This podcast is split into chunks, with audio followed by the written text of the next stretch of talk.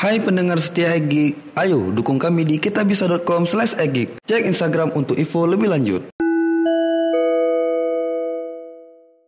Oke kembali lagi di podcast Egik Kali ini eh, udah sama Suhel Foundernya dari Nyuciin ya Halo. Jadi Suhel bisa ceritain nggak Nyuci ini apa nih? Jadi sebenarnya Yukin itu uh, layanan laundry berbasis digital, di mana kita fokusnya sebenarnya uh, memudahkan customer yang biasa laundry ini biar dia lebih gampang untuk gunain layanan laundry.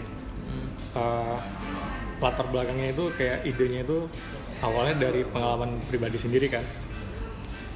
Jadi dulu itu kalau pulang kantor itu rasanya capek gitu mau ke laundry Hmm, Di Banda Aceh di Jakarta Oh awalnya. di Jakarta Ah. nah. Terus karena capek itu kan mikir kan, ada nggak ya laundry yang dia bisa datang ke tempat kita kayak gitu ngangkut cucian, terus ngantar lagi kayak gitu kan. Di Jakarta pada saat itu belum ada. Belum ada Tahun ada. 2014 2014 masalah. Atau mungkin udah ada, cuman di dekat-dekat ini nggak ada. Hmm, hmm, Jadi kepikiran kayak Belum digital mungkin ya belum digital. Belum digital Dan yang kedua itu nyari laundry yang bagus itu susah. Jadi Iya iya image orang sama laundry itu pasti bajunya ketukar pasti kotor Hmm. nggak bersih gitu harusnya kan kita ngasih laundry itu dapatnya bersih gitu Hmm. lebih bersih pada diri sendiri dari masalah-masalah itu wah kayaknya bisa nih di- dijadiin bisnis gitu Hmm. dan untuk startup itu sebenarnya startup kan ada yang real startup dalam artian dia itu dari awal mm, buy apps kayak gitu aplikasi Ah, aplikasi oke. Ah. tapi ada juga sebenarnya real bisnis yang bisa dijadikan startup Iya, gitu iya. contohnya laundry Hmm, hmm. jadi kenapa kita nggak buka brand laundry sendiri nih awalnya kan orang mikir kayak oh ini pasti marketplace laundry nih Iya, ntar iya. kerjasama dengan laundry laundry lain nah Hmm. kalau kita bikin marketplace laundry semua orang bisa bikin, bikin aplikasi loh Iya semua orang itu pasti aplikasinya lebih bagus lagi gitu Hmm. Terus kepikiran lagi kayak gimana kalau kita bikin brand gitu kita bikin brand laundry itu sendiri kita buat go digital Hmm. kita cuci kita antar itu dari kita semua gitu Hmm. kita nggak nggak kerjasama dengan laundry lain Itu masih ide 2014 Masih dipikir Baru dipikir ide tuh 2014 itu baru ide-ide kayak Iya. gitu gitu aja Uh, kepikiran pengen bikin laundry sendiri itu waktu uh, udah nyampe di Aceh Hmm. jadi kan si itu, tahun, Gojek itu tahun berapa? 2017 Ah, 2017 2018 Uh, 2018 itu kan sempat bikin Japekan tuh Hmm, Japekan itu, itu Jawaban tuh tahun 2016 ya? 2017 17 ya? Ah. Ah, 17 jadi awalnya kan mikirnya kayak gini ini kalau Gojek masuk ke Aceh pasti kelar Japekan kan Hmm. tapi pada saat itu nggak mikir kayak bakalan secepat itu Gojek masuk ke Iya, Aceh iya. karena kan Aceh itu jumlah penduduk penduduknya kecil, Kecil, ya ya. kalau kita lihat di webnya Pemkot itu Hmm. Sekarang itu sekitar 230-an ribu. Hmm. kalau ditambah pendatang itu mungkin 400 ribuan. Lah. kan itu kecil ya. Iya. tapi si Gojek ini cepat masuk gitu. Jadi kayak oh ya udah pasti kelar nih gitu. Mungkin dengan adanya Jawaban Gojek malah masuk gitu. Kirain kalau misalnya dia lama masuk kan kita bisa kayak ngambil staff Iya. segala macam kan. Banyak. Momentum Ah, dapat momentum, bisa ya. buka lini bisnis yang lain. Iya. Ketika dipotong sama dia Yang lain masih ada gitu. Betul. Nah, jadi terus eh, waktu itu kayak kita nggak mungkin bikin bisnis yang sama lagi kayak Gojek nih Hmm. atau yang lain yang lain gitu coba cari yang beda gitu yang laundry tadi kan awalnya kayak kita kan bikin marketplace laundry tapi ya nggak usah paling nanti datang Gojek datang siapa yang lebih banyak dana Ya, Go Laundry lah, gitu. Nah, jadi tahun 2000 2018 akhir udah mulai tuh bikin bikin aplikasinya kan bikinnya sendiri kan Ya. Bikin aplikasi segala macam kebetulan dulu pernah bikin aplikasi laundry jadi Oh, udah udah. ada yang jalanin nih dari dia kita udah dapat feedbacknya apa gitu nah aplikasi dia itu yang kita kembangin jadinya nyuci ini Berarti UX-nya nggak usah dipikirin lagi ya? Iya. Iya. jadi udah ada udah udah di Template lah gitu ya. Ah. tinggal PR-nya itu bikin aplikasi mobile Hmm. udah eh, kebetulan modalnya udah ada beli mesin beli apa segala macam. Hmm. jadi nyuci ini deh Hmm. kalau modal dari cerita kalau modal secara laundry konvensional kan jelas kan? Tapi kan secara nyuci ini kan aplikasinya bikin sendiri. Ya. Atau aplikasi ada maksudnya secara digitalnya ada ngeluarin biaya lebih besar daripada yang konvensional nggak? enggak digital itu uh, paling ngeluarin biaya cuma untuk hosting aja Iya kan karena nge- ngoding sendiri. Kalau ngodingnya bayar orang kan hampir sama juga dengan konvensional kan nah kebantunya di situ sih. Nah, karena bisa ngoding sendiri. Hmm, kan tuh salah satu maksudnya founder maksudnya uh, orang yang punya ide tapi nggak bisa eksekusi kan beda dengan orang yang punya ide tapi bisa eksekusi kan itu Iya. kelebihan engineer kelebihan orang tek- teknis. Tapi kekurangan orang teknis itu ya kita harus belajar lagi management people kayak apa Iya. gitu kayak uh, ngomong sama pekerja kita. Dan kita juga harus punya mindset pekerja itu kita kalau aku sendiri kan hmm, sebutnya partner. Ya mitra. Iya mitra. Karena orang itu ujung tombaknya ya si nyuci ini. Jadi uh, mereka juga kita buat aplikasi kayak gitu. Hmm, si kurir si cuci setrika itu kita buat aplikasi nanti ketika dia udah selesai cuci si setrika bisa lihat listnya yang udah, udah selesai siapa-siapa aja gitu. prioritasnya yang mana gitu. Terus kalau misalnya nanti si setrika udah selesai dia bisa bikin kayak uh, keterangan udah selesai dan tekan customer udah tahu oh udah, udah selesai walaupun belum diantar gitu. Berarti semua prosesnya udah by apps lah? Hmm. nah, dan itu sangat membantu di laundry ya. Karena kan laundry ini kita udah buat satu mesin satu customer ya itu pasti masih ada aja yang kesulit Iya, gitu. iya. jadi kayak mungkin kalau bukan robot yang kerja mungkin bakalan kayak gitu kan ya human error kan Iya. intinya tetap human error Iya. ya, ya.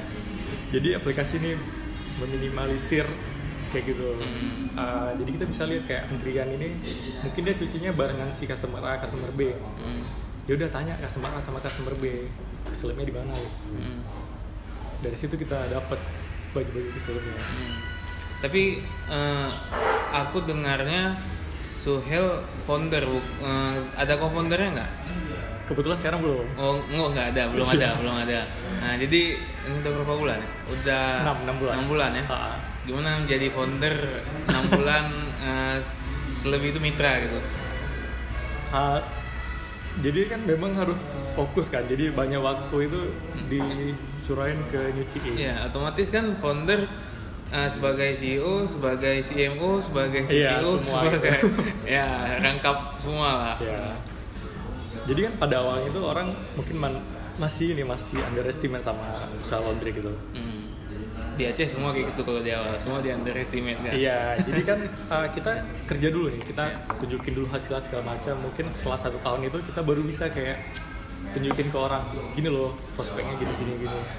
Uh, baru mungkin di situ ada yang minat untuk gabung segala macam gitu. Tapi kalau bisa ngasih bocoran ya, Khusus di podcast Egi. ya langsung buka-bukaan nih. Jadi kan dengan orang kan pad- pada bilang kan, kenapa nggak buka cabang? Hmm. Banyak tawaran buka cabang Iya, di iya. kota-kota lain. Oh di kota lain, bukan di Ah. kota. Oke. Uh, kalau di Banda Aceh sendiri kita nggak perlu buka cabang, Iya, kita aja perlu cukup. beca aja ya. Hmm. Kayak gitu. BCA ya banyakin. Ah, ah. Sama pos-posnya mungkin kalau udah terlalu. Iya, ini. kita Ya. ngajak mitra lagi kan. Uh, dengan jumlah penduduk Banda Aceh kurang lebih ya, nggak tahu realnya berapa, tapi kalau dari Pemkot sekitar 200-an ribu. Hmm. Tapi kayaknya sih sekitar 400 sampai 500 ribu. Hmm. Dan segmen marketnya berapa? 10 persen. 5 Uh, persen. kita penetrasi marketnya itu baru 0,1 persen. Oh 0,1. Itu itu wajar memang ya. Ah, ah. Sangat wajar di bawah setahun tuh.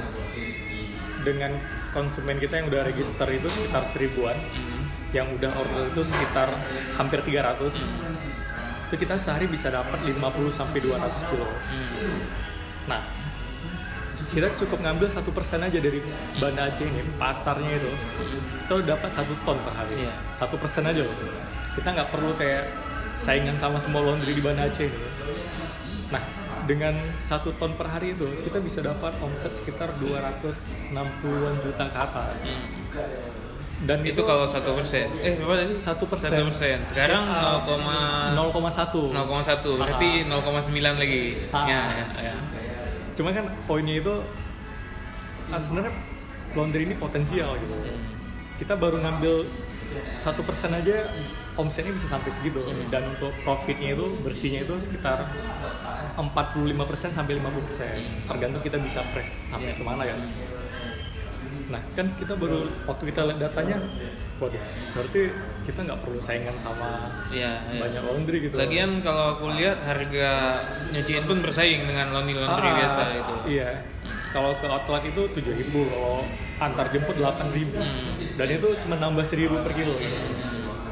Kalau misalnya orang yang memang waktunya mahal, dia memang kayak wah ini murah nih kayak gitu. Hmm. Punya segmentasinya sendiri-sendiri. Kayak gitu sih. Kalau harga kan, kalau aku lihat di itu yang kilo ada tahu yang 8000 gitu. Lah, Iya. Iya, bahkan ada 9000 lagi. Ah, ada yang 90 Ah. tapi nggak pakai antar ada juga. Iya. Ah, tapi ini kan udah 8000 ya. Jadi Iya, antar 80.000. Dua ada hari. juga ada juga nggak salah aku yang express ya. Ah, ah, 5 jam. Nah, 5 jam ya. Terus cara ngehandle eh apa banyaknya apa orderan gimana sih? Kan ada yang express datang nanti, ada yang ini datang. Nah jadi kan ini dapat ilmu baru juga sih dari kayak kan sering lihat uh, YouTube-nya pengusaha-pengusaha segala macam kan dari laundry macam-macam. Jadi dia bilangnya kayak gini, cari pegawai itu pada saat nggak butuh. Nah ketika Mhm. kita Oke. butuh pegawai, kita buka lowongan kerja itu kayak kita jalan apa pun kita kita kutip gitu batu di jalan Oh, pun kita kutip kutip karena iya. kita butuhnya cepat nih Iya, ya, isi isi ya. jadi ujung-ujungnya orang kerja kita ini ya udah yang, yang Apa yang ada? seadanya aja betul seadanya aja gitu nah ketika kita buka terus lowongan tuh kita bisa keep nomornya nih Hmm. Setidaknya kita punya list 20 orang. Ini udah udah oke lah sel- dari segi speknya segala macam kan untuk kerja gitu. Nah ketika udah banyak orderan kita bisa manggil mereka sebagai tenaga part time Oh, jadi gitu triknya. triknya kayak gitu. Triknya gitu. misalnya sekali masuk 200 nih telepon orang dua orang tuh kerjanya dari sore sampai malam. Yang kerja pagi sampai sore itu bisa istirahat. Hmm. kita bayarnya per kilo. Nanti tinggal tunggu otomasi AI aja mungkin ya. Jadi sebenarnya tujuan dari visi misi nyuci ini apa sih? Kenapa mulainya di Banda Aceh? Kenapa nggak Medan misal? Kan Medan istilahnya kota yang di Sumatera nih yang dilirik sama venture itu kan di Medan itu. Nah, Banda Aceh ini venture apaan? Nggak ada venture menurutnya. yang pertama kan memang dulu waktu kerja di Jakarta itu nggak salahnya mereka juga jadi ada kawan-kawan kantor itu mereka uh, nanya sampai nanya kayak gini "Eh, di Aceh ada eskalator nggak ya gitu saking Iya. framing Aceh itu di luar Aceh itu kan kesannya kayak masih kayak di Jadul ya. jadul masih banyak hutan kayak gitu nah sampai mereka kaget kalau ngeliat foto aku misalnya di mana gitu di Aceh kan Hmm. Oh Aceh udah keren ya kayak kayak gitu mereka Ada mall ya?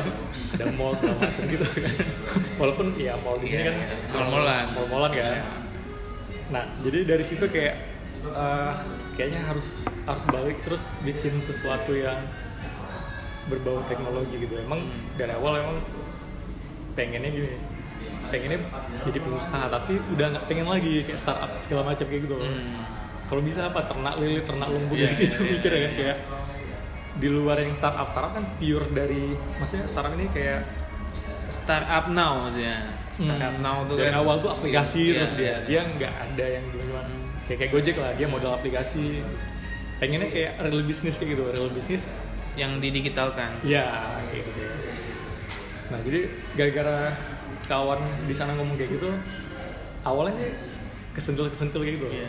Hmm. Itu tahun 2014 ya, Jakarta masih kan. 2015 kan Eh, sebenarnya kita nggak bisa ngarap orang juga untuk merubah Aceh itu kita berharap Betul, ya betul. pemimpin segala macam toh kita sendiri masih di zona nyaman gitu di luar kota segala macam dengan gaji yang Hmm. mantap gitu Iya, iya. terus kapan kita mulainya gitu udah dari situ mikir kayak kayaknya harus balik apalagi kemarin itu waktu di Jakarta kan sempat main-main traveling di daerah lain kan? Hmm. melihat kota-kota lain itu itu kok keren gitu. Iya. Di Jawa gitu ya. ah di Jawa itu. Dulu waktu di Jakarta itu ngurus KTP itu gampang. Hmm. maksudnya nggak nggak ribet-ribet segala macam. Di mana aja masih susah sampai sekarang susah gitu. Itu kan? Uh, tapi nggak susah kali lah. Udah canggih juga. Udah, udah, udah lumayan lah kan. Maksudnya untuk apa ya kotanya ini belum belum maksimal gitu dia memang kepikiran kayak gini pengen merubah daerah kalau jadi pengusaha Hmm. uangnya pasti habis ya betul betul, betul. karena terlalu idealis untuk ngebangun gitu jadi usahanya kayak hobi gitu ya betul kita mau nolong orang pakai usaha kita lama-lama uang kita habis Hmm. karena kita terbatas juga kecuali kita pengusaha besar Hmm. yang memang kayak Bill Gates Hmm, Kayak- itu udah ini Beda kan? Iya beda lah. Terus ketemu cara. Filantropis, dah filantropis. Nah. Ah, ah.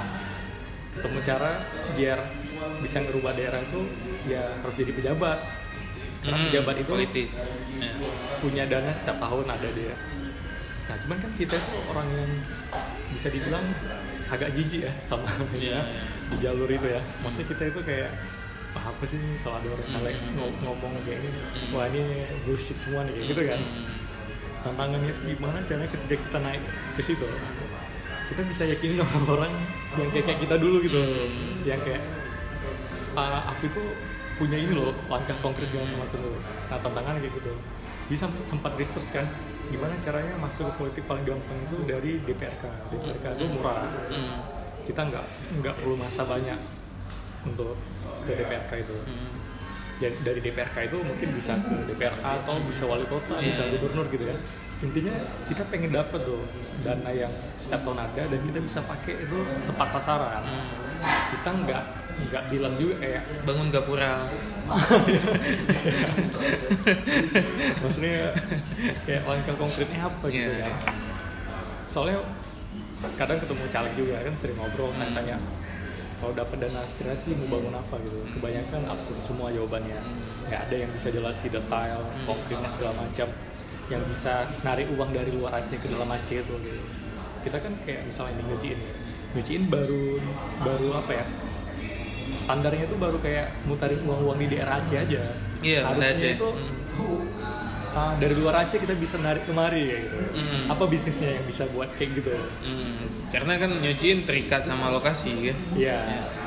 Nah mungkin kayak kemarin tuh kan kepikiran kenapa nggak buat kayak uh, pabrik pengolahan plastik. Hmm, Jadi kita bisa iya. bikin Biji plastik, kayak gitu. iya.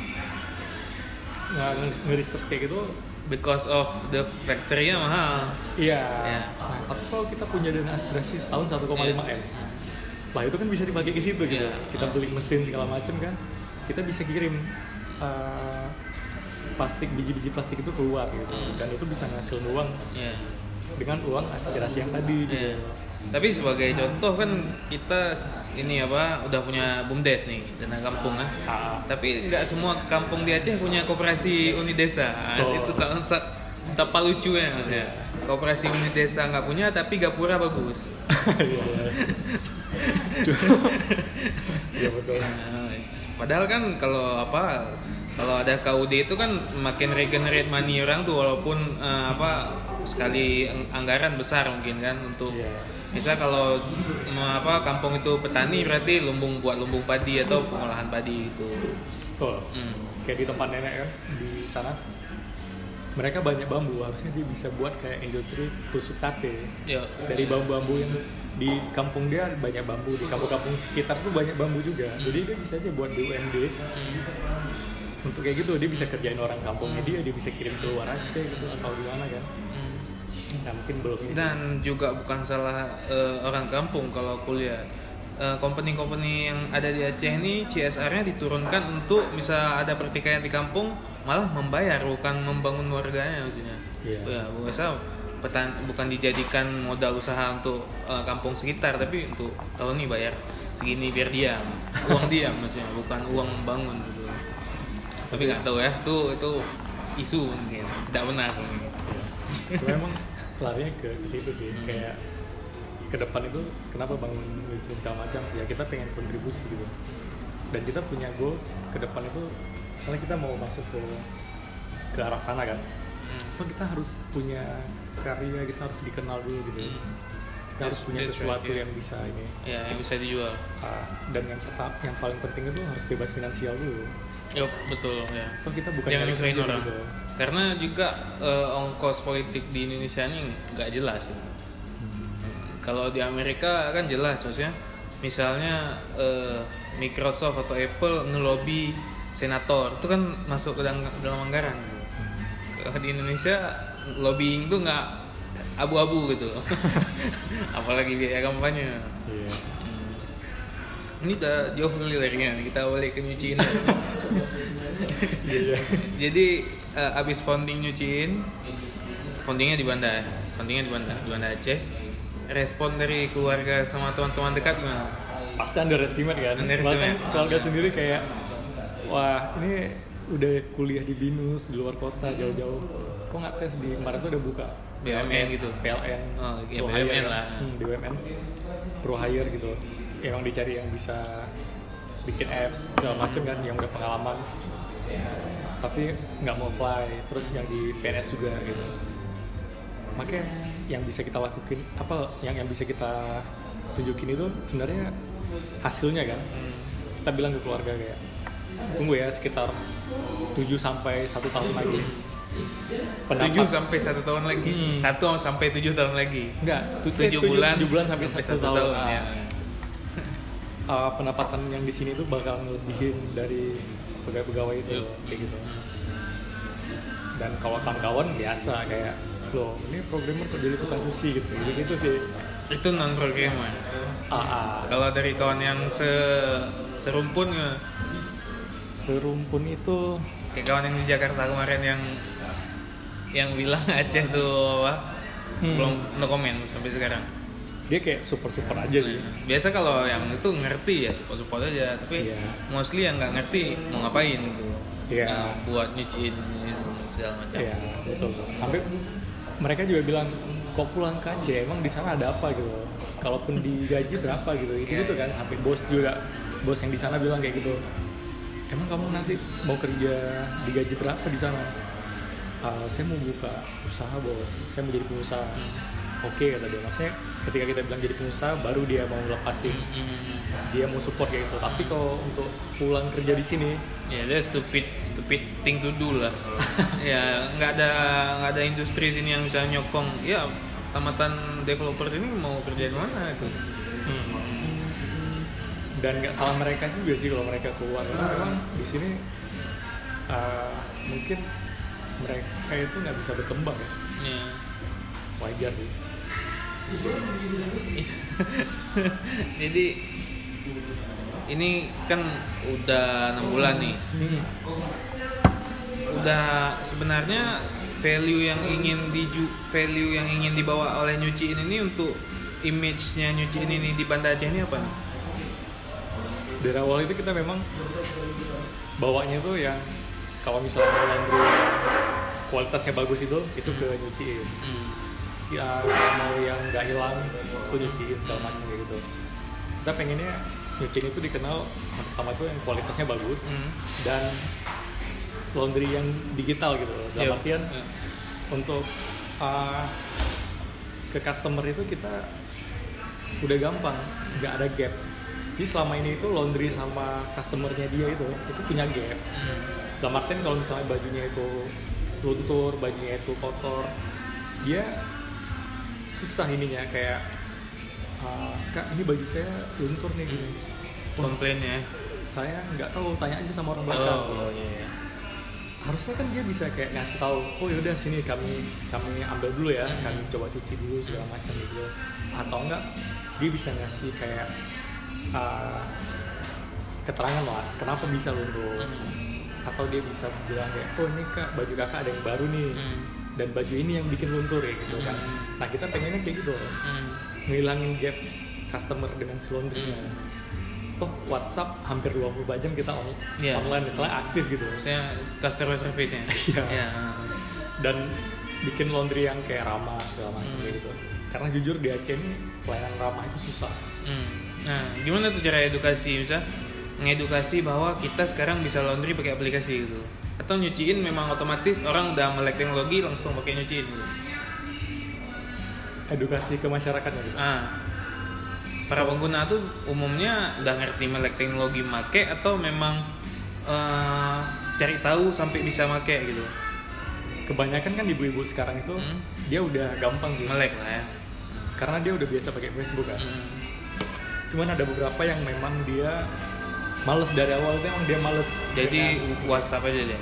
WhatsApp aja dia bilang "Ah, kak atau bang jemput ya gitu. Hmm. Kita udah register dulu datanya dia Hmm. gitu.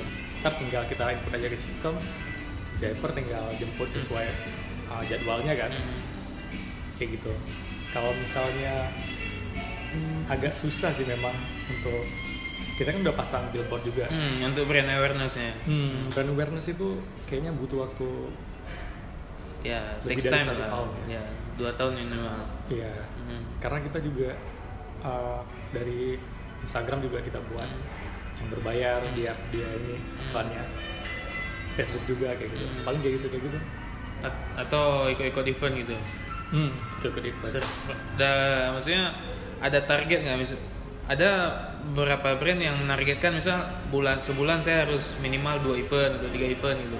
kalau sekarang targetnya ke Instagram sih Instagram itu jadi kayak Iya, kita lebih cepat sih. Ah, ah, kumpulin budget nih, saya sebulan sekian. Nah itu lempar ke Instagram gitu. Tapi paling cepat itu sebenarnya mulutnya ibu-ibu. Iya, iya betul, arisan. Jadi ibu-ibu ini kan kalau misalnya dia puas sama kita, dia bakal ngomong tuh sama kawan-kawannya dia bahkan dia mau rekom Hmm. Kita itu jadi laundrynya kawan-kawannya dia kayak gitu. Banyak kayak gitu kan nanti ini kan dekat rumah si ibu ini macam gitu. Atau juga segmen kita dari awal juga ibu-ibu. Hmm. Kita nggak nggak bikin segmen mahasiswa dari awal. Hmm. Mahasiswa tuh paling jarang dia punya baju 4 kilo kan kita Iya. sekali nyuci 4 kilo nih. Hmm. Minimal. Karena- minimal. Iya. Karena satu mesin satu customer. Hmm. Nah ibu-ibu itu sekali ngasih 20 kilo, Iya. 30 kilo, kita cukup ada ibu-ibu lima orang aja sehari kayak gitu. Hmm. Kan udah ada 150 kilo gitu Iya. sehari. Makanya dari awal kita targetin terus, ibu-ibu terus kita nih. Emang agak ribet sih ibu itu. Iya, karena aku tadi waktu dibilang ibu-ibu memang targetnya memang betul ibu-ibu. Tapi i- korelasinya dengan Instagram Ads Hmm. gimana tuh? Nah. karena kan Instagram mostly kan milenial lah. Kalau apa yang di atasnya di Facebook mungkin. Mm-mm.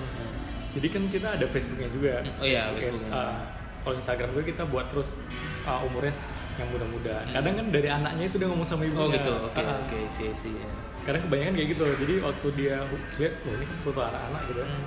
Cuma aja gitu. Waktu kita ini telepon ibunya ternyata. Hmm. Jadi ibunya minta tolong anaknya untuk daftar Hmm, atau hmm, untuk hmm, order kayak gitu. Hmm. Kayak gitu. Nah kalau yang udah sering itu kita langsung ikat ke member premium. Hmm. Jadi kita buat kayak regular pickup Hmm. setiap satu minggu sekali kita Pasti input. ah, dan itu kan kita bisa ngitung tuh kira-kira dalam sebulan kita pasti dapat sekian Itu udah subscriber lah. iya Nah, betul subscriber masuk kategorinya. betul Kalau subscriber udah sampai 100 ah belum belum ya? masih masih bisa ya 0,1 persen. iya iya Jadi ini kan kalau aku lihat di Banda Aceh startup yang sanggup survive sampai saat ini ya nyuciin gitu. Hmm, ya kan? Jadi nyuciin ngelihat ekosistem startup di Banda Aceh ini gimana sih? Tapi kalau aku lihat kayaknya harus kayak eh, yang konvensional go to, to digital baru mampu survive gitu. Kalau Hmm. nyuciin gimana sih Le? kalau akunya sih ah, mungkin belum ada ini ya kayak apa sih yang kurang di ini? Yang membuat growth-nya stuck gitu sebenarnya bukan pasarnya yang ini yang nggak siap. yang nggak siap. Bukan pasar yang nggak siap. Contohnya ini Gojek. Gojek masuk kemarin. Dia terima auto. aja gitu. Auto ya. mungkin belum ketemu yang memang sesuai dengan permasalahan orang. Itu aja sih. Mhm, ya. Jadi belum ada kayak misalnya nih, contoh nih kita buat startup. Contohnya apa ya kemarin tuh ya? Eh, pokoknya macam-macam videonya tuh misalnya kayak yang ngeprint ngeprint ke cetakin aja ah cetakin aja ya. itu oke permasalahan orang itu mau nyari tempat cetak itu kan untuk mahasiswa ya cuman tingkat efisiensinya itu kan nggak nggak dihitung sama dia mungkin Hmm. dalam artian uh, ongkos antar ongkos jemput gimana gitu Iya, ya betul. Memang eh, apa menurun menurunnya startup tersebut dari kayak gitu apa manajemennya Ah. agak terl- terlalu banyak orderan dan nggak sanggup dihandle iya dari insider informasinya gitu lah. Tapi mm, nggak sebenarnya kalau misalnya terlalu banyak orderan itu bisa dihandle. bisa itu Manajemen itu Ah. eh, enggak sebenarnya itu jawabannya. It's about manajemen kan. ya It's about manajemen sebenarnya. Semua company mau nggak mesti startup, nah itu semua mana- about manajemen. Nah terus kalau aku lihat, ini aku lihat juga, kalau di sini orang tahu misal mobil mobil Avanza itu kalau dijual 150 itu murah. Tapi kalau aplikasi kita jual tiga- 20 juta, 30 juta itu mahal. Nah, karena nggak belum tahu harga yang betulnya berapa gitu. iya Ah, jadi kalau orang mau invest misal dia punya bisnis konvensional mau buat aplikasi cara ngitung-ngitungnya pun belum ngerti gitu. Hmm. ini kan orang ah, atas nama ingin mengembangkan sebuah lini dia ngitung apabila saya buat nih profit atau growth untuk saya berapa. Iya. Dan itu kan belum maksudnya di sini kayaknya kenapa kenapa nggak ada yang buat kayak gitu? Karena belum ada yang mau mau atau bisa ngitung gitu atau berusaha nyari untuk ngitung gitu. Ketika dia buat apps growth dia berapa? Tapi kan kalau kalau Zoel udah pernah lihat lah di Jakarta tuh gimana growthnya gitu kan. Kalau di sini mungkin kayak mana ya? Kalau aku lihat kayak orang eh, jual mobil tuh kan jual mobil jual mobil bekas itu kan kalau di di nyuciin kan atau di apps kan kan maksudnya bisa growthnya itu tapi kan nggak dihitung. Maksudnya seberapa uang yang cocok uang yang layak untuk saya investasikan ke aplikasi dan bisa men- eh, apa bisa menjadi growth itu maksudnya kalau gagal pun saya bisa uang ini pertimbangan gitu. Hmm. kan hitung hitungannya CMO tuh Iya, si dan CFO sebenarnya ada ini juga sih kayak solusi yang lain gitu. Gimana? Kadang itu kita nggak perlu modal gede untuk mulai di awal itu. Kita cuma perlu tim yang gede. Dalam artian dapat tim yang memang Cocok. cocok, dan the right team ya. Dalam Yeah. artian uh, solid gitu dari awal kita punya mindset punya visi itu jelas sama-sama gitu contoh nih, misalnya kayak kita nggak tahu buat aplikasi segala macam. Cari kawan yang bisa buat aplikasi yang mindsetnya itu sama kayak kita gitu dan dia ngerti nih paham nih setahun di awal itu kita jor-joran kerjanya. Kita bisa kerja sampai tengah malam kita bisa lembur segala macam tanpa dibayar. Sanggup nggak kayak gitu Hmm. kalau dia emang sanggup sebenarnya banyak yang bisa dikembangin di sini. Contohnya nih aplikasi kos-kosan Iya betul. Iya telah masuk ke tadi. Ah, ah. Jadi- Eh, the apa opportunity-nya banyak, tapi orang yang ngerti dan mau eksekusi itu nggak bergabung gitu ya mungkin ya, atau Iya. nggak nggak nggak bertemu nggak nggak match gitu. karena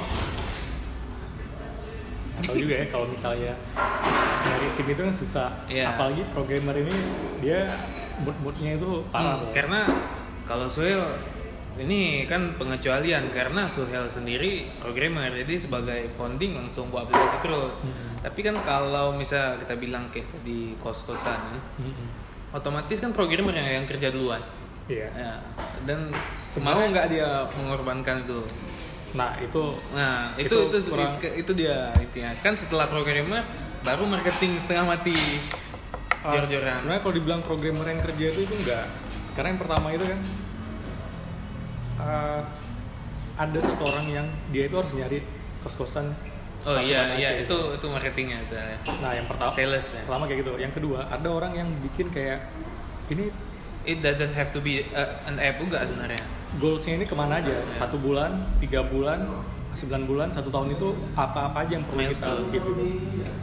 nah si programmer itu yang kayak bantu dari eksekusi sebenarnya bukan dia aja yang kerja. Cuma ya cari orang yang tepat aja sih yang kayak dia tuh yakin uh, project yang dibikin ini bakalan baik bakalan meledak bakalan ya setidaknya di di Banda Aceh kayak gitu. Karena bukan cuma programmer aja tuh kerja Iya, aku maksud aku bilang kayak gitu karena aku pernah baca di medium gini. Programmer kan uh, kalau programmer itu dia nggak boleh nggak bisa berdali. Karena kalau satu tak satu nol tak nol. Server mati tak mati server lancar tak lancar. Tapi kalau marketing bisa beralih oh bulan depan kita bakal growth 10% walaupun pada aslinya cuma satu persen. Iya. ya kalau misal programmer kan eh, ini udah launching. Tiba-tiba waktu dihajar sama eh, user ke- eh, melebihi kuota udah down server jadi programmer tuh nggak bisa berdalih emang ya udah emang ya ini fail system. Tapi kalau marketing oh ini karena orangnya kayaknya belum siap pak atau edukasi kita kurang atau ini. Maksudnya masih eh, bisa buat alasan. Lah tapi programmer mana bisa buat alasan? Hmm. Hmm. Sih. nggak bisa bawa alasan makanya. Uh, progre- apa CTO kalau salah bakal habis diajar tapi kalau CMO masih bisa bawa alasan. Iya. itu jokesnya lah. Hmm, jokesnya.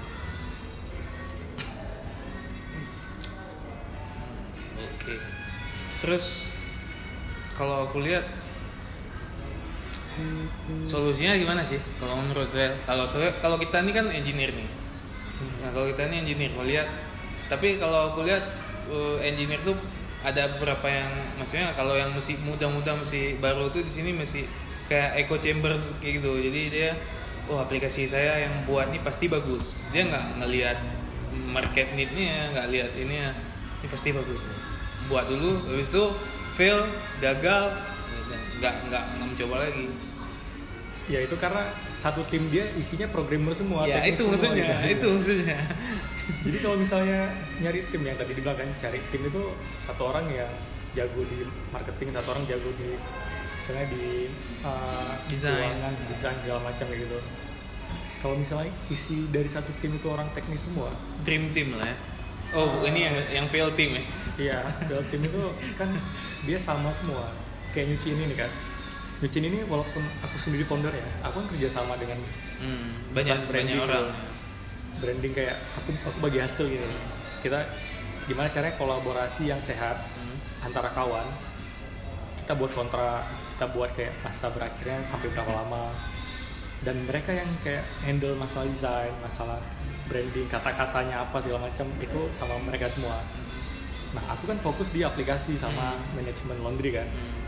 Sekarang ini udah ada yang atur laundry nih. Hmm. Jadi udah udah hire orang.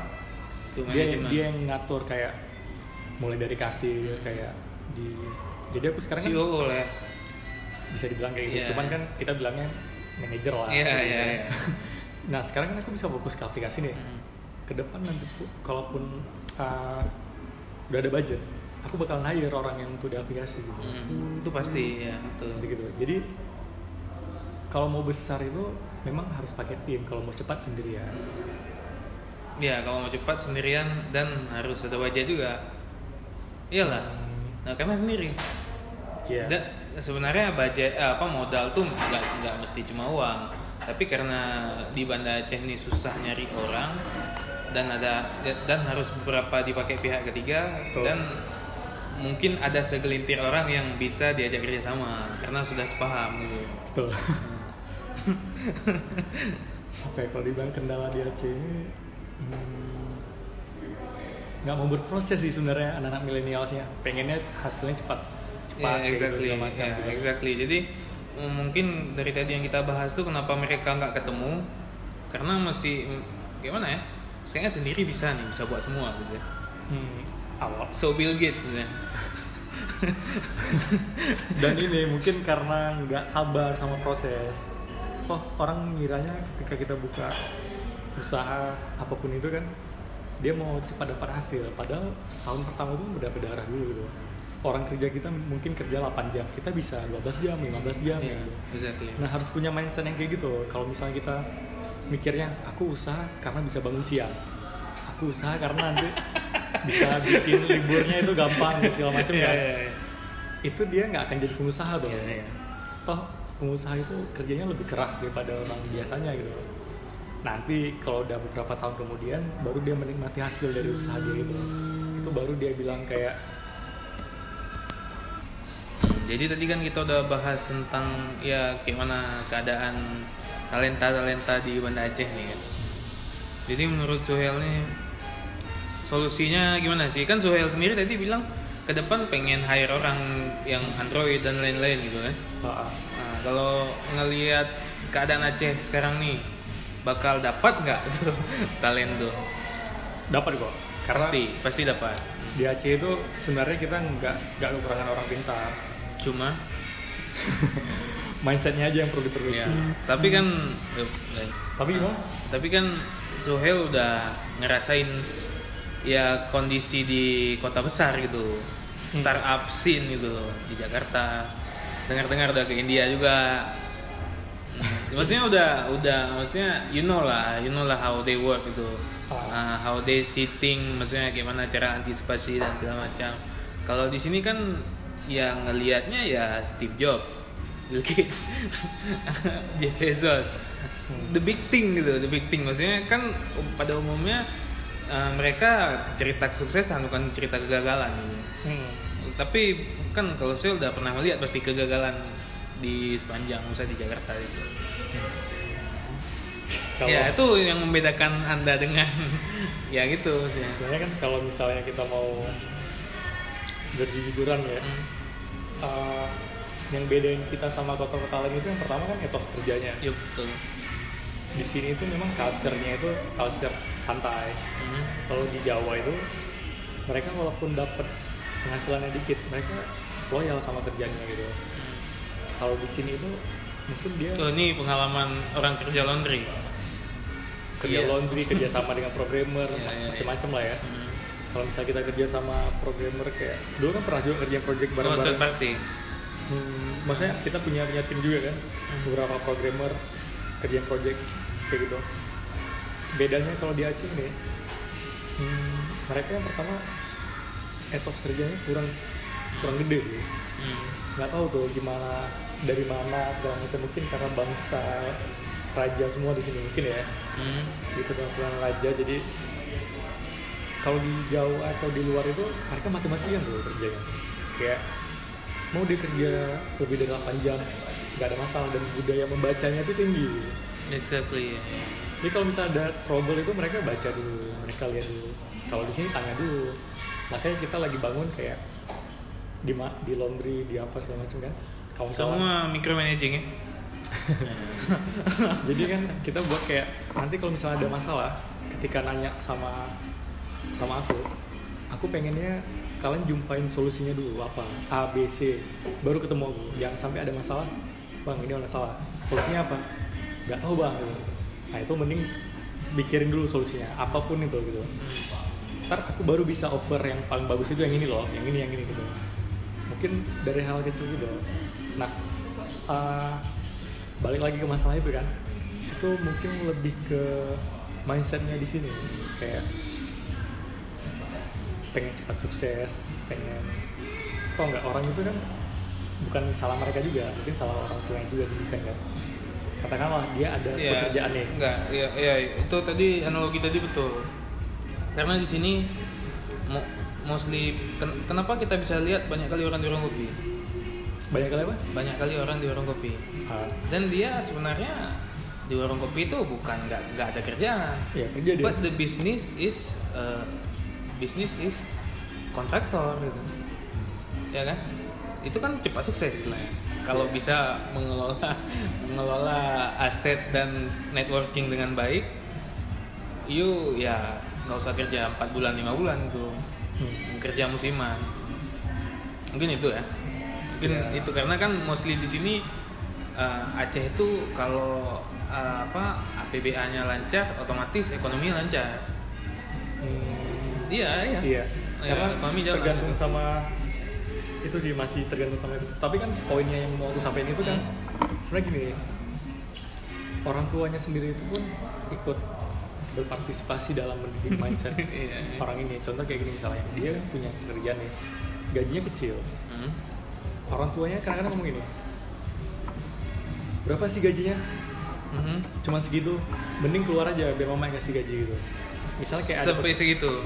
You seen the case. ada kayak gitu. udah lihat case ada gitu gitu yang kayak dia, orang tua nganggap kerjaan anak ini Ina. remeh gitu. Ina. Da- padahal kan ketika kita mau dapat posisi bagus kita kan dari bawah dulu nih. Kita punya pengalaman di A di B. Toh dia nggak sampai selamanya dia kerja di situ gitu itu cuman semacam milestone-nya dia batu loncatan dia sebelum dia kerja yang lebih bagus gitu. Nah di sini tuh kebanyakan pengennya langsung di atas kayak gitu. Jadi dia nggak ngajarin anaknya untuk susah dulu mungkin. Itu salah satu contoh dan itu sering kayak gitu loh. Yes. orang tua misalnya di ini kan oh, ngapain kerja lagi? Kok nggak tinggal di rumah aja? Gitu. Maksudnya gara-gara uh, waktu dia di rumah itu udah kurang atau Hmm. dia harus kerja walaupun ada acara di rumah misalnya acara apa di sini banyak acara tuh. Di masjid lah acara kayak kenduri-kenduri lah. Misalnya dia mak ini nggak nggak bisa nih karena kerja masih gitu tanggung jawab dia kan. Ibunya langsung kayak ya udah ngapain? Mau arisan aja mak? Gitu gitu dia langsung ngekat lagian gajinya cuma segini, segini gitu. Harusnya dia diajari tanggung jawab kayak gitu kan. Tapi itu nggak semuanya cuman Iya. kebanyakan. Ada ada kasusnya gitu. Kebanyakan ya? Ada, ada, ada lah, ada bukan kebanyakan ada. Dan kayak kayak gitu sih. Uh, mindsetnya kayak gitu. Itulah tadi the pointnya uh, kalau what need you do atau what need we do gitu. solusinya. Your solution. Kalau tadi kan kalau jawab dari apa? Dari SDM-nya berarti kalau menurut analogi tadi udah jelas bahwa di sini SDM-nya udah oke. Cuma uh, attitude hmm, attitude aja itu solus kalau solusinya gimana?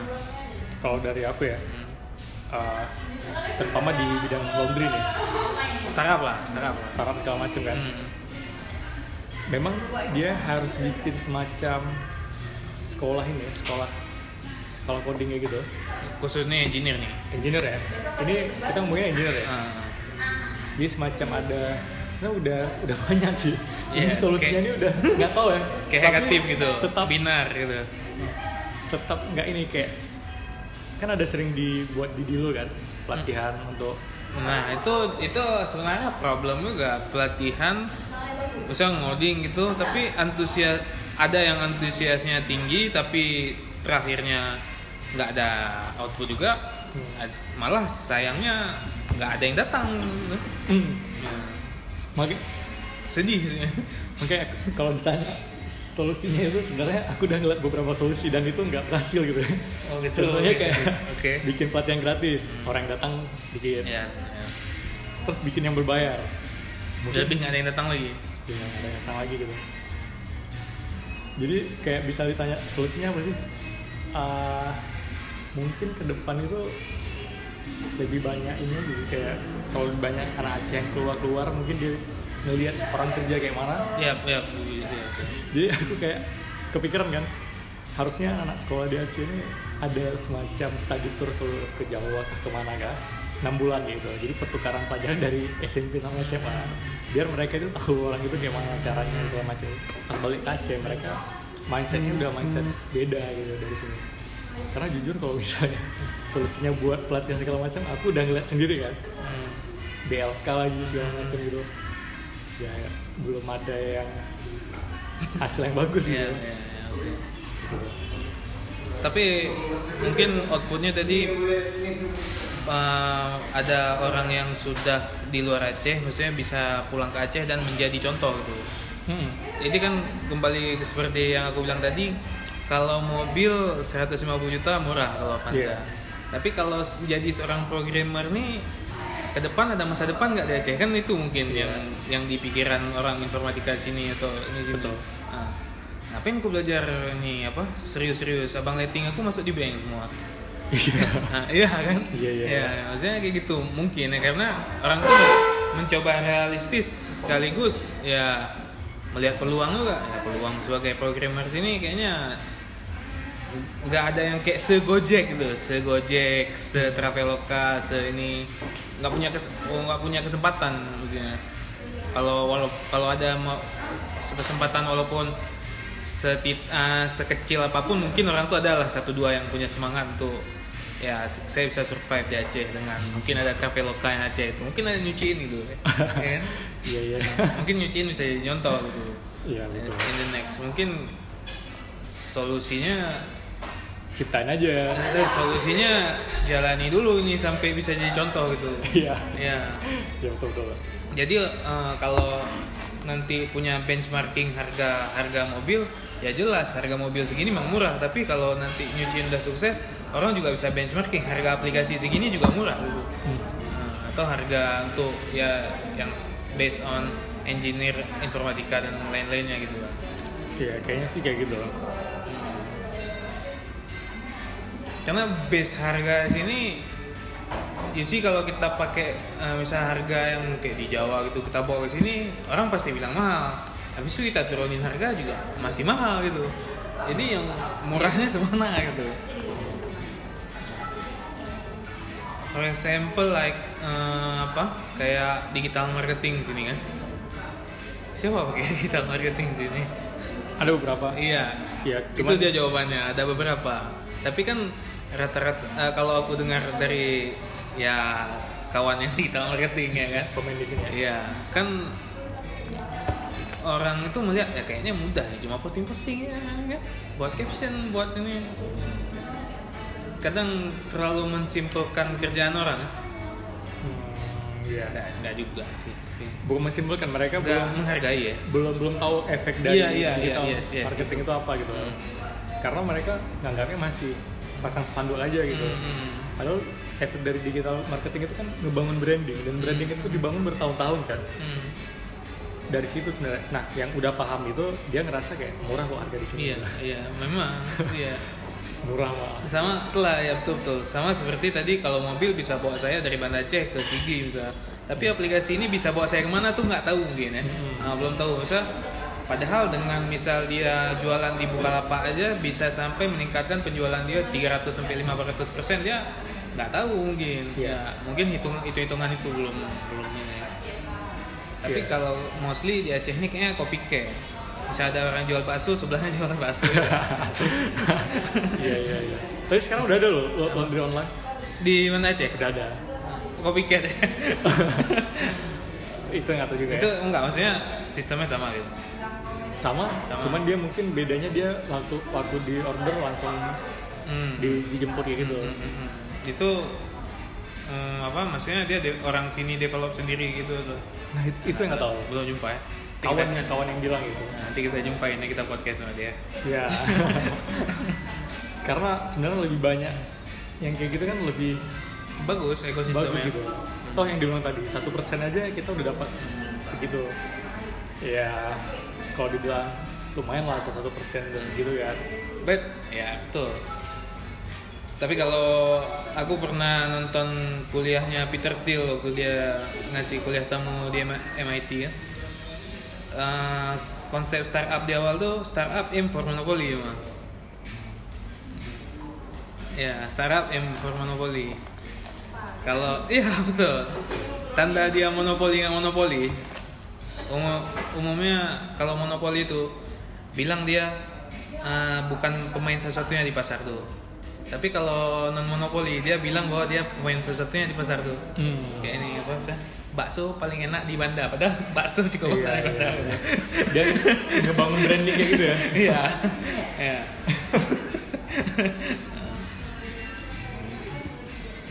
Oke udah kita next ya. Jadi eh, apa sih nih hambatannya dari nyuci ini untuk eh, growth nih sekarang hambatannya apa sih Sebenarnya hambatannya malah bukan di bagian aplik aplikasinya. itu dah dan lah dan Sebenarnya aplikasinya nggak begitu ya. Lebih ke SDM sih. Eh, oke Oh enggak, sampai sekarang itu masih ada juga kasus yang kesel baju. oke Itu dengan kita udah bikin satu mesin satu customer, Hmm. baju nggak digabung, pakai keranjang kontainer yang gede-gede gitu kan, biar baju nggak keluar keluar gitu kan. Sampai aku sendiri mikir kayak nanti kalau misalnya mau dicuci itu kita hitung, kita foto lagi gitu, saking pengennya Iya. biar nggak hilang Iya. gitu.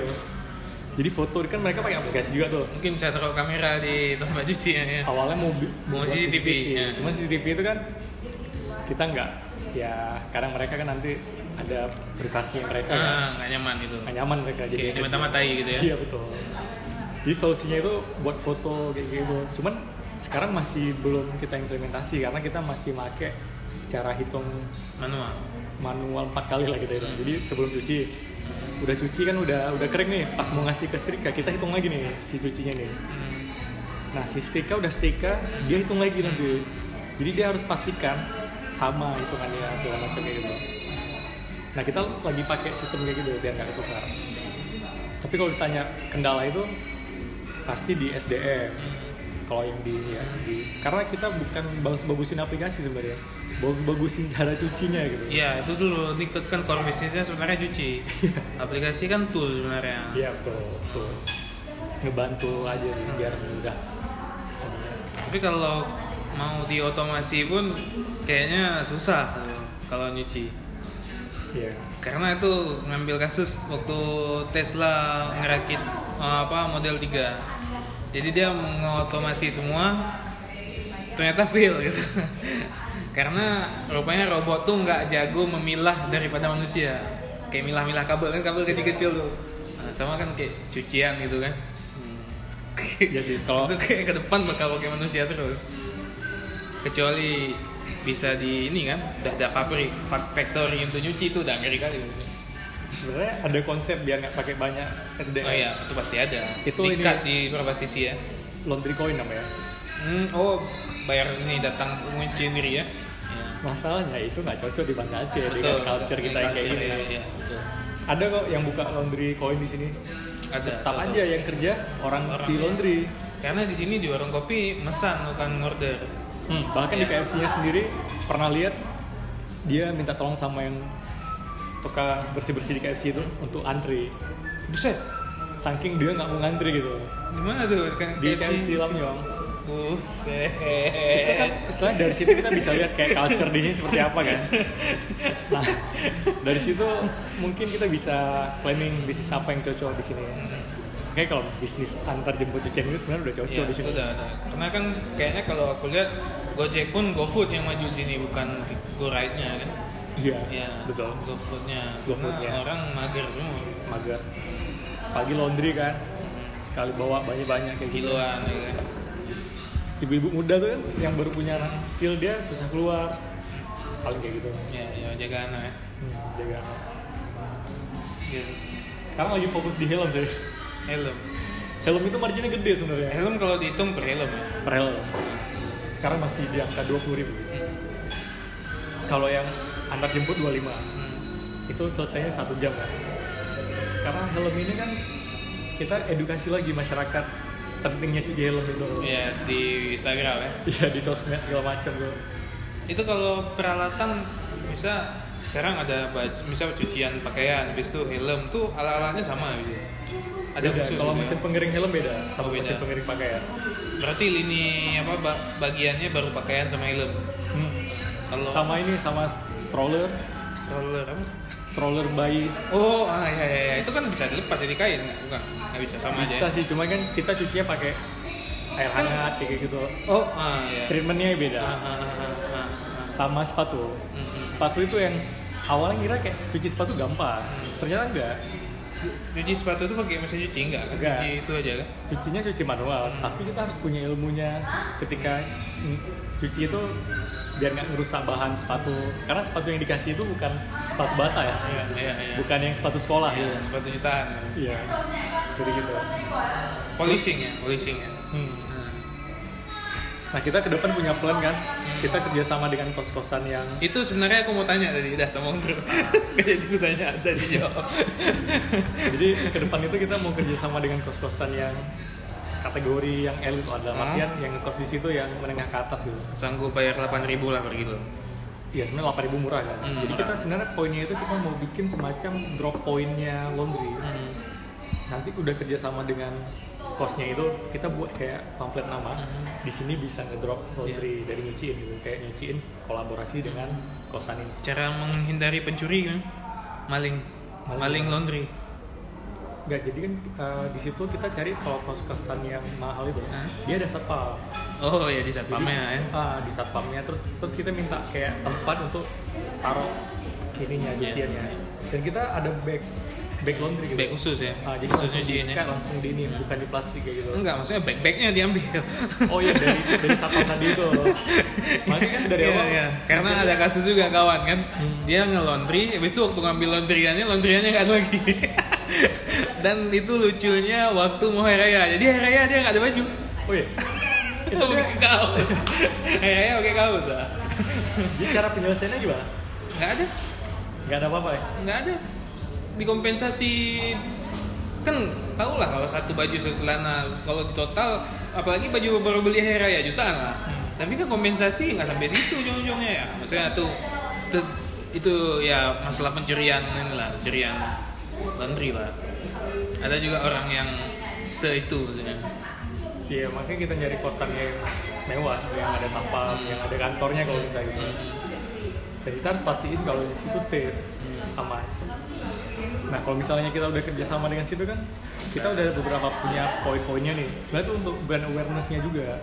Kalau nyuciin itu ada di mana-mana gitu. itu kan udah masuk ke milenial tuh kayaknya Hmm. ya itu kan segmen sebelumnya ibu-ibu ya Ya, itu sekarang udah ke milenial sama pekerja pekerja baru lah orang baru baru kerja ya Ya, Tuh.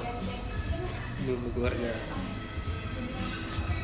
terus apalagi proyeknya ke depan ke depan uh, kita juga mau bikin outlet cuci helm di warkop. Jadi kalau di warkop itu sebenarnya cuci helm tuh pakai alat nggak eh pakai mesin mesin kan nah, Dia- kalau alat pasti mesin dia cuma pakai mesin pengering aja. oh yang perlu dikeringin pakai mesin selebihnya pakai hand Manual. tangan Uh, jadi kalau misalnya orang lain itu buka warung nasi di warkop kita buka tempat cuci helm. Kayak di parkiran di mall-mall di Ya, Jakarta kayak ya, gitu ya, kan. ya. Sekaligus cuci mobil Iya, dia dosmir ya. Dia dosmir juga. Nah, kita planningnya ke arah situ. Nah, nanti kita kayak taruh satu orang dia cuci segala macam helm dan pakai branding nyuci juga gitu. Paling kayak gitu sih ke depan.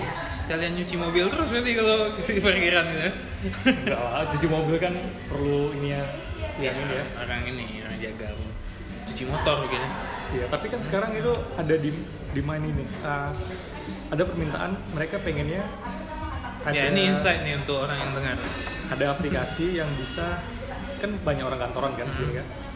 Ketika dia pagi naruh mobil, pulang udah bersih. Valet ya valet mobil untuk nyuci ya Ah, ah, dia pengen dijemput mobilnya untuk dicuci, itu diantar lagi.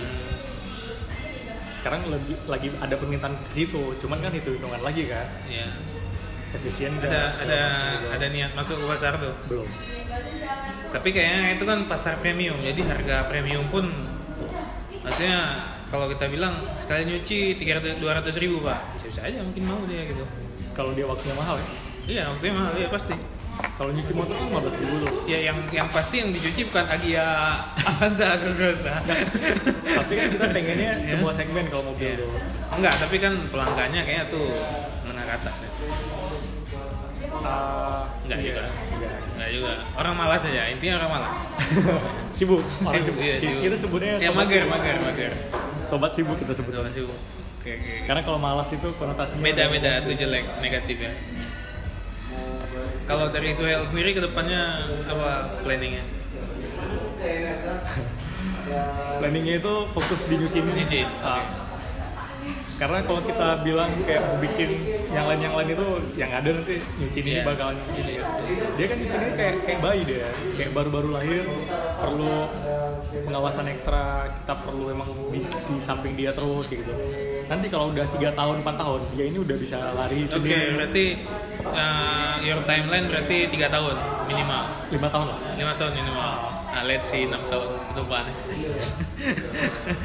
lima lima tahun lah. Kalau di, di nyuci ini maksudnya sampai dia bisa stabil ya bisa jalan sendiri bisa awet sendiri. Apa bakal ini IPO belum tahu ntar kita karena di awal itu kita memang idenya belum Iya. belum kebentuk kan? Iya, iya. di awal itu kita kadang nggak tahu mau ngapain. Jalan dulu nih jalan dulu baru ketemu oh kayak dibuat ini bagus nih dibuat ini bagus. Enggak, karena aku bilang IPO tadi karena kan kalau di bab exit, exit strategi kan startup tuh antara IPO sama merger. ya, Ya, lain nggak ada, lain bangkrut.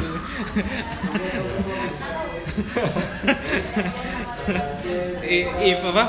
If merger, then uh, IPO, else bangkrut gitu. nah betul sih Kayaknya bakal ya kalau apa? Kalau nyuci ini bakal nggak sesusah startup yang mulai dengan bootstrap tanpa income gitu kan. betul bootstrap tanpa income kayak kita kayak mau buat misalnya bu- uh, startup dengan misalnya sosial media yang ada income media kan susah kali like buat Instagram itu wow.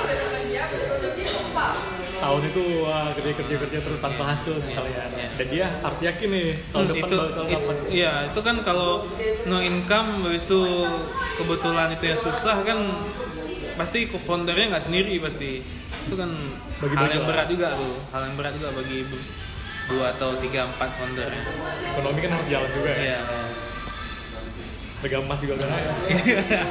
tapi ini the last question gimana sih hidup startup di Banda Aceh ini kalau aku lihat sih harganya murah kali emang kalau di dibandingkan kota besar. Life as a star startup founder di Banda Aceh. Aku agak bingung juga sih jalannya kalau di sini. Tapi yang aku lihat kan eh, yang pertama betul yang tadi itu harganya mahal segala macam kan. Bagi beberapa orang yang mau buat startup Iya. Enggak, kalau cost kehidupan sini kan murah sih. iya kos kehidupan murah. Cuman kan ketika dia mau bikin startup dia kan dia perlu modal besar kan udah. dan ketika dia tanya sama orang teknisnya berapa nih? 80 pak. 100 pak. Besar ya gitu. Jadi startup itu bakalan hidup di Bandar Aceh ini. Kalau yang jalaninnya anak ma- mahasiswa yang nggak money oriented. Iya, masih pragmatis ya. ya dia masih nggak bikin uang itu itu jalan. Atau real business yang dijadikan startup kayak nyuciin. Itu aja sih kalau di sini. betul. Eh, kalau live as a startup mungkin ada kawan yang dari luar bilang di sini ya di sini yang pertama murah, yang kedua kalau mau apa mau escape enak, maksudnya di sini pantai ada, gunung ada, maksudnya cari relaksasi di masa-masa penat tuh Iya. mau escape-nya bisa nih, ya itu plus plus ya minusnya banyak kali. Tadi SDM, nah, infrastruktur, habis itu ekosistem dan yang terakhir mungkin kayaknya kalau misalnya kayak startup meet up itu bullshit li sini kayaknya. Oh, kenapa tuh? Hah? Nggak tahu kenapa tuh? Bukan maksudnya atas nama bullshit tuh kalau ada pun ya aku baru ngeliat yang bisa stay on the pad tuh nyuciin maksudnya. Oh, Iya, soalnya kan? aku jarang ikutan ini. Kadang-kadang aku lihatnya telat gitu ya. Ada pertemuan startup misalnya gitu. Telat telat tahunnya gitu. Emang harusnya sering ikut ini ya. Maksudnya kalau sharing pun uh, most likely nyuciin yang uh, startup yang digital, real digital gitu. Hmm. Yang mesti di padnya, mesti di jalannya. yang lain udah siratal mustaqim. Iya, iya, iya. Dan, kita bukan berharap berharap ini, kita berharap bakal banyak lagi startup di sini. Oke itu aja lah, udah mau asar juga nih. Siap-siap. Kita asar dulu. Makasih nih dari Suhel nih udah mau podcast sama Egi. Siap, sama-sama. Nanti kita tunggu 6 tahun lagi ya. Siap. Siap. 6, tahun lagi, insya Allah Insya Allah nggak jadi CEO lagi. kita buat badan sosial aja. enam tahun lagi. Sip, sip, sip.